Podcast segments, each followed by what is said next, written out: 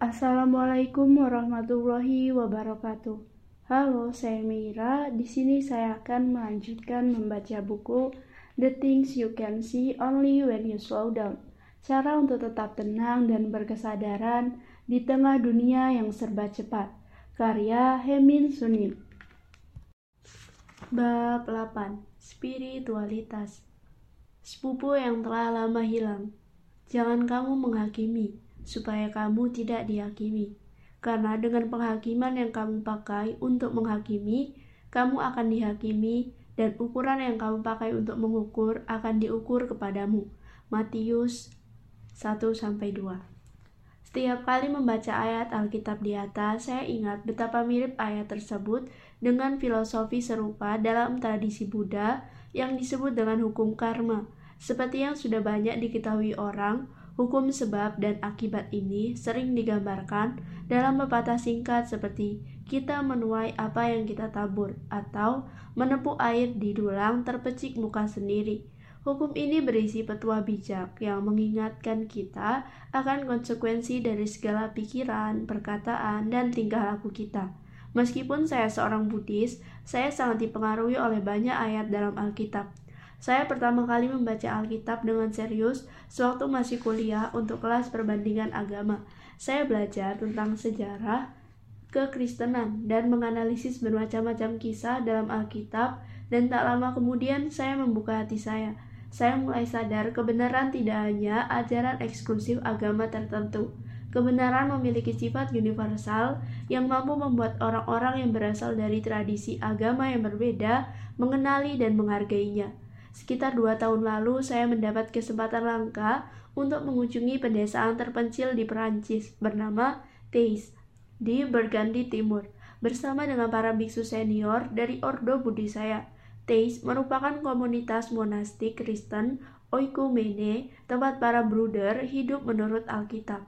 Tempat itu menjadi tempat ziarah Kristen yang terkenal. Setiap tahunnya dikunjungi lebih dari ratusan ribu pemuda dari penjuru dunia. Perjalanan ziarah biasanya berlangsung selama beberapa hari di dalam komunitas tersebut dengan mengikuti ibadah pagi, siang, dan malam, juga saat teduh dan diskusi kelompok kecil. Saya sendiri sudah familiar dengan puji-pujian komunitas teis yang mengunggah jiwa dan tak sabar mengikuti ibadah doa mereka yang indah. Begitu kami tiba di teis yang menakjubkan, para bruder keluar dan menyambut kami dengan hangat, mengenakan jubah putih. Mereka tersenyum lembut dan memiliki aura yang penuh damai, seolah mereka titisan malaikat. Jubah biksu abu-abu muda kami terlihat mirip sekali dengan jubah putih mereka, membuat kami tampak seperti satu keluarga besar. Para bruder mengajak kami mengelilingi komunitas mereka dan untuk menyambut kami secara resmi menyanyikan Convente Mini Domino, salah satu lagu paling indah yang pernah saya dengar seumur hidup. Kami kemudian diajak ke tempat tinggal mereka dan mengobrol sebelum kami menghadiri ibadah siang di gereja Rokin Silasiasi. Semakin lama waktu yang kami habiskan di Teis, semakin banyak kemiripan dengan kehidupan biksu Buddhis yang saya lihat. Para bruder menghabiskan waktu berjam-jam dalam saat teduh untuk mengalihkan perhatian mereka kepada Tuhan. Tidak jauh berbeda dari meditasi hening yang kami lakukan. Kemiripan lainnya adalah mereka mengenakan cincin sebagai tanda kesetiaan kepada Tuhan. Biksu dari ordo saya mengenakan bekas luka bakar dupa di lengan kiri saat kami menerima pedoman hidup kami. Beberapa orang mungkin mengira hidup di komunitas seperti ini penuh tekanan, kaku dan sulit, tapi sebenarnya tidak. Kehidupan monastik ditandai dengan keindahan yang sederhana dan kebahagiaan yang tak disangka-sangka. Para biksu menemukan kebahagiaan di antara hal-hal yang kelihatan sepele bagi orang-orang yang mengejar jebakan duniawi kesuksesan.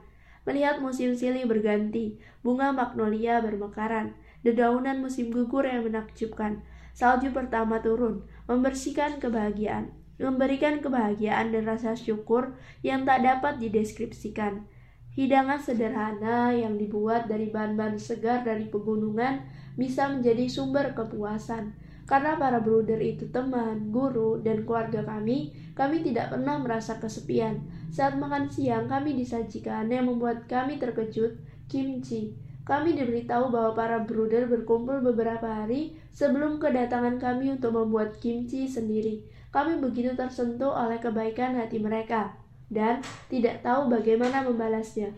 Meskipun kami berasal dari agama dan negara yang berbeda, mereka menyambut kami dengan penuh perhatian dan kasih.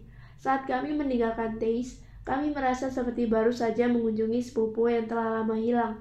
Saya tahu saya akan terus mengingat ikatan ini sepanjang hidup saya. Sampai sekarang pun, saat saya melihat salah seorang biksu senior yang ikut ke Teis bersama saya, kami akan terus mengingat pengalaman kami makan buket dan kimchi buatan para bruder.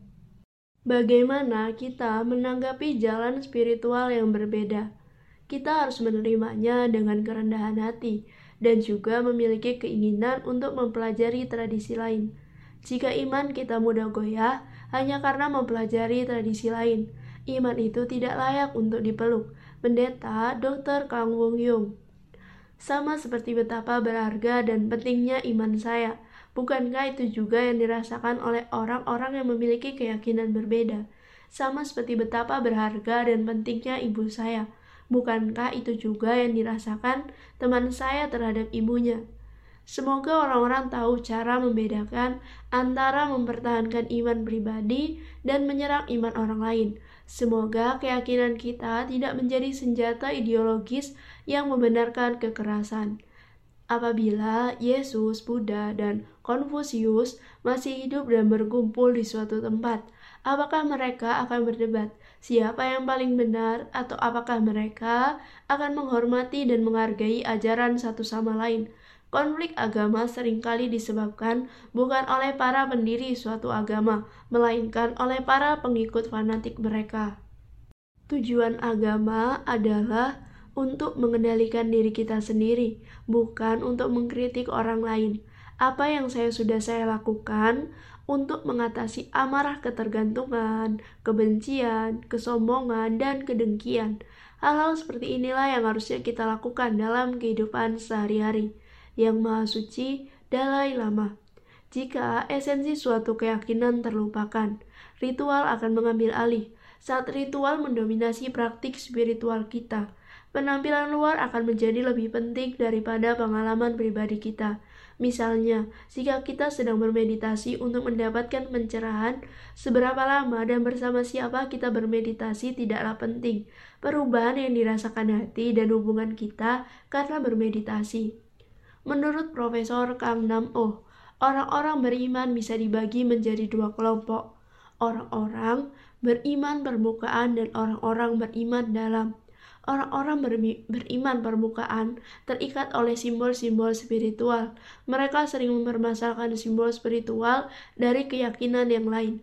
Orang-orang beriman dalam memahami makna keyakinan, mereka lebih dalam dari sekedar simbol. Mereka bisa menemukan makna sama yang terkandung dalam simbolisme dan tradisi spiritual yang beragam, dan keselarasan di antara tradisi tersebut. Sesat merupakan istilah yang penuh makna, Istilah tersebut disematkan kepada kepercayaan atau ritual yang tidak sesuai dengan kepercayaan spiritual yang dominan pada suatu era. Jika kita menyebut suatu jalan spiritual sesat, ingatlah bahwa keyakinan kita juga awalnya pernah dianggap sesat. Orang-orang yang hanya tahu satu agama tidak tahu apa-apa. Max Muller, ilmuwan berbanding bahasa, agama, dan mitologi asal Jerman ketidaktahuan akan jalan spiritual lain yang diikuti oleh rasa takut, mampu menimbulkan tidak tindak penganiayaan dan kekerasan atas dasar agama. Semua tradisi agama di seluruh dunia mengajarkan kebaikan, kasih sayang, dan kesabaran. Tidak ada salahnya mempelajari semuanya. Kita boleh mengagumi seorang pemimpin spiritual, tapi jangan pernah mengidolakannya. Keyakinan buta terhadap seorang pemimpin bisa membuat kita bersikap seperti anak kecil yang menyerahkan kuasa kita dan meminta sang pemimpin melakukan apa pun untuk kita. Orang lain bisa saja menulis resep obat, tapi kita sendirilah yang harus meminumnya. Pemimpin spiritual layaknya jari yang menunjuk bulan. Jika jari itu mencoba menjadi bulan, kita dipimpin menuju dosa besar. Kita harus menumbuhkan tiga macam kecerdasan demi kesehatan kita. Kecerdasan kritis, kecerdasan emosional, dan kecerdasan spiritual. Jika salah satunya dikesampingkan, pertumbuhan dua kecerdasan lainnya juga akan melambat. Jika kita hanya mengembangkan kecerdasan kritis, tetapi mengabaikan kecerdasan emosional, maka kita mungkin tidak peka dengan penderitaan orang lain. Jika kita hanya mengembangkan kecerdasan emosional, tetapi mengabaikan kecerdasan spiritual, maka kita mungkin kehilangan harapan saat melihat penderitaan di dunia. Jika kita hanya mengembangkan kecerdasan spiritual, tetapi mengabaikan kecerdasan kritis, maka kita mungkin menjadi korban dari sekte yang semena-mena. Apa pun yang terjadi, janganlah merasa rendah diri. Ingat, Tuhan menciptakan kita serupa dengan citranya. Kita anak-anak yang paling disayangi Tuhan. Kita juga sebenarnya Buddha, meski kita belum menyadarinya. Kita memiliki sifat Buddha yang sama dengan para Buddha di alam semesta. Jangan biarkan orang lain membuat kita merasa lebih rendah dari semua itu. Iman dinilai terlalu tinggi, sementara perbuatan dinilai terlalu rendah. Jika kita lebih menekankan iman daripada perbuatan, spiritualitas hanya akan menjadi sekedar ideologi dan akan menciptakan konflik teologis. Tapi jika kita fokus melaksanakan ajaran dalam kehidupan kita sehari-hari, kita akan sadar bahwa kasih yang diajarkan Yesus tidak berbeda dari welas asih yang diajarkan Sang Buddha. Jika kita ingin merasakan kedamaian di tengah jalan spiritual yang berbeda-beda, perbuatlah apa yang kita khotbahkan. Tiga ayat Alkitab yang saya sukai. Pertama, segala sesuatu yang kamu kehendaki supaya orang perbuat kepadamu, perbuatlah demikian juga kepada mereka. Itulah sisi, itulah isi seluruh hukum Taurat dan kitab para nabi. Matius Kedua, bukan setiap orang yang berseru kepadaku, Tuhan, Tuhan, akan masuk ke dalam kerajaan surga, melainkan dia yang melakukan kehendak Bapakku yang di surga. Matius. Ketiga, aku berkata kepadamu, sesungguhnya segala sesuatu yang kamu lakukan untukku, salah seorang dari saudaraku, yang paling hina ini, kamu telah melakukannya untuk aku. Matius dua jalan spiritual dalam satu keluarga. Saat jalan spiritual kita berbeda dari jalan spiritual tunangan kita.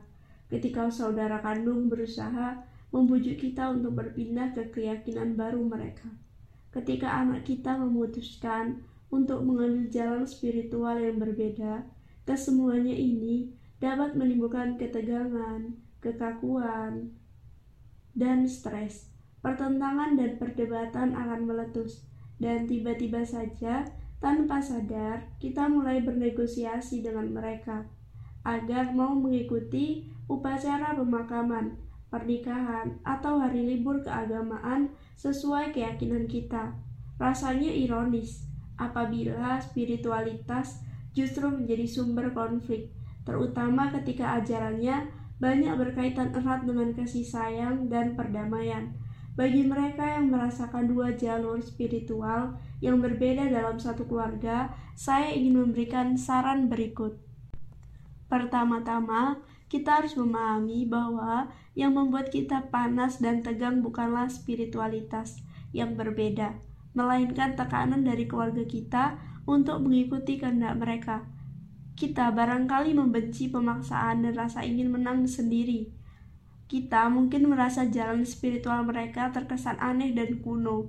Penawaran yang baik untuk keadaan seperti ini adalah keinginan untuk mempelajari jalan spiritual yang berbeda itu. Carilah buku yang ditulis oleh sosok yang dihormati, kalangan spiritual tersebut dan pelajarilah. Jika kita memiliki pikiran yang terbuka dan mau belajar, kita akan menemukan beberapa aspek dari jalan spiritual tersebut yang serupa dengan keyakinan kita. Walaupun dari luar simbol spiritual mereka tampak berbeda, makna di balik simbol tersebut anehnya akrab bagi kita. Kita juga bisa membaca biografi dari guru spiritual dalam kepercayaan tersebut, seperti Mahatma Gandhi, Martin Luther, King Chiar, Bunda Teresa, atau Dalai Lama. Saat kita banyak mempelajari kehidupan dan iman mereka, kita akan bisa memahami keberanian mereka dan menghargai jalan spiritual yang mereka pilih. Perubahan sikap ini jelas akan memberikan pengaruh positif dalam dinamika keluarga. Walau kita tidak bisa mengendalikan perasaan keluarga akan jalan spiritual kita, paling tidak kita tidak lagi merasa khawatir dengan keyakinan mereka. Tapi jika keluarga tetap memiliki pemikiran sempit dan tidak menghargai kepercayaan kita, kita harus mengajak mereka bicara dan menjelaskan keyakinan kita. Ingatkan mereka tentang para sosok penting dalam jalan spiritual mereka yang tidak bersikap demikian. Martin Luther King dan Thich Nhat Hanh saling menghormati. Thomas Merton dan Dalai Lama bersahabat baik. Mereka yang memahami makna mendalam di bawah permukaan dan yang mencoba untuk menerapkan sikap untuk menerapkan sikap rendah hati dan penuh damai akan langsung mengenali cahaya yang menyala-nyala di mata para pemeluk agama lain.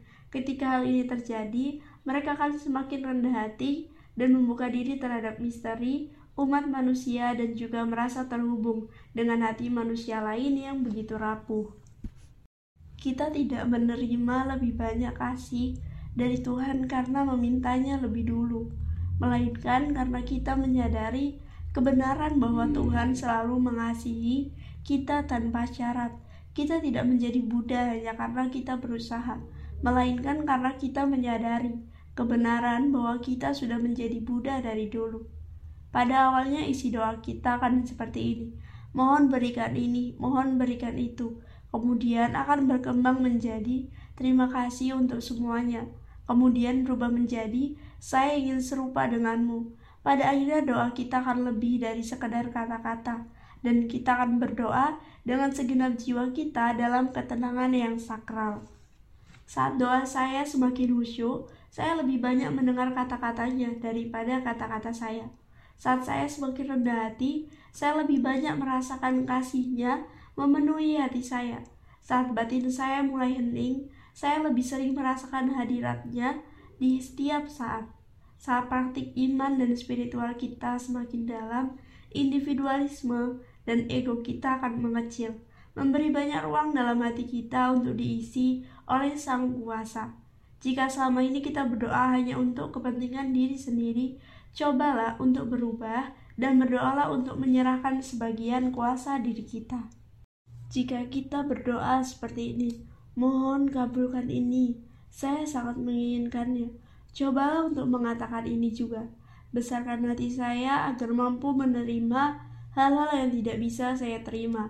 Jangan menyuap Tuhan, Buddha atau sosok ilahi lainnya dengan materi agar mau mengabulkan apa yang kita inginkan.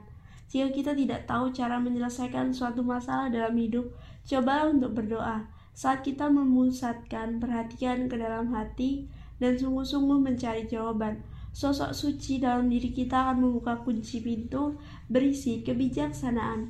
Jika kita sedang berusaha keras menemukan orang istimewa dalam hidup kita, kirimkan doa kepada semesta. Alam semesta adalah perantara pencari jodoh yang hebat. Para biarawan bisa tahan, berdoa selalu bertahun-tahun, sebab doa-doa mereka yang mengharapkan kebahagiaan orang lain membuat mereka bahagia. Saat saya bersiap-siap untuk meresmikan pernikahan teman saya, saya juga ikut bahagia. Bagi orang-orang yang belum tercerahkan, tidak setiap hari mereka merasakan hari baik, karena mereka hanya merasa bahagia ketika segala sesuatunya berlangsung seperti yang mereka inginkan. Bagi orang-orang yang tercerahkan, setiap hari adalah hari baik, karena mereka paham tidak ada yang bisa merenggut kebijaksanaan mereka. Saat orang yang belum tercerahkan berbuat baik, dia akan berusaha meninggalkan jejak. Saat orang yang tercerahkan berbuat baik, dia tidak akan meninggalkan jejak. Semakin saleh seseorang, semakin mungkin dia menggambarkan dirinya sebagai seorang pendosa. Ini karena dia tidak membohongi dirinya sendiri. Para santo atau santa dianggap suci, bukan karena kesucian mereka membuat semua orang kagum kepada mereka, melainkan karena gelar suci yang dianugerahkan membuat mereka mampu mengagumi semua orang. Thomas Merton Para pemuka agama dan guru cenderung banyak bicara, apalagi para pemuka agama dan guru yang lebih tua. Saya harap saya tidak menjadi orang yang tidak bisa berhenti bicara dan tak mampu memperhatikan apa yang dirasakan orang-orang di depan saya. Mampu menjaga rahasia orang lain merupakan tanda kekuatan spiritual. Ketika seseorang pendeta berkhotbah, dia tidak hanya berkhotbah bagi para jemaah, tapi juga bagi dirinya sendiri. Pendeta Hong Jong Kil. Menurut Kardinal Nicholas Chong Jin Suk, tak ada kisah Alkitab yang mencatat seekor ikan yang bertambah banyak menjadi dua atau tiga. Juga tidak ada kisah Alkitab yang mencatat ikan berjatuhan dari langit.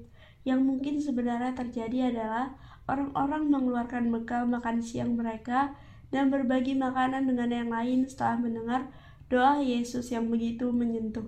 Mukjizat tidak hanya berupa kejadian tak masuk akal yang melampaui hukum alam, membuang ego kita dan membuka hati bagi orang lain juga merupakan mukjizat. Ada cara sederhana untuk menguji kebenaran ajaran Buddha. Temukan posisi tubuh yang paling nyaman, tetaplah menjaga posisi itu selama 30 menit. Posisi tubuh yang paling nyaman sekalipun bisa menjadi posisi yang paling tidak nyaman, semuanya tidak abadi, termasuk posisi tubuh ternyaman sedunia. Jangan paksakan diri mengikuti suatu jalan spiritual, biarkan ajarannya mengetuk hati kita dengan lembut dan membimbing kita seperti garam yang perlahan-lahan larut dalam air, biarkan ajarannya terlarut dalam hati kita. Epilog. Wajah sejati kita. Ketika kita begitu sibuk sampai merasa seperti sedang dikejar-kejar sesuatu, ketika pikiran penuh kekhawatiran memenuhi kepala kita, ketika masa depan terlihat gelap dan tidak pasti, ketika tersakiti kata-kata orang lain, Lambatkan diri kita walau hanya sejenak. Bawa segenap kesadaran ke masa kini dan hiruplah napas dalam-dalam. Apa yang kita dengar, apa yang tubuh kita rasakan, terlihat seperti apakah langit. Hanya saat kita melambatkan diri, barulah kita bisa melihat dengan jelas hubungan, pikiran, dan rasa sakit kita.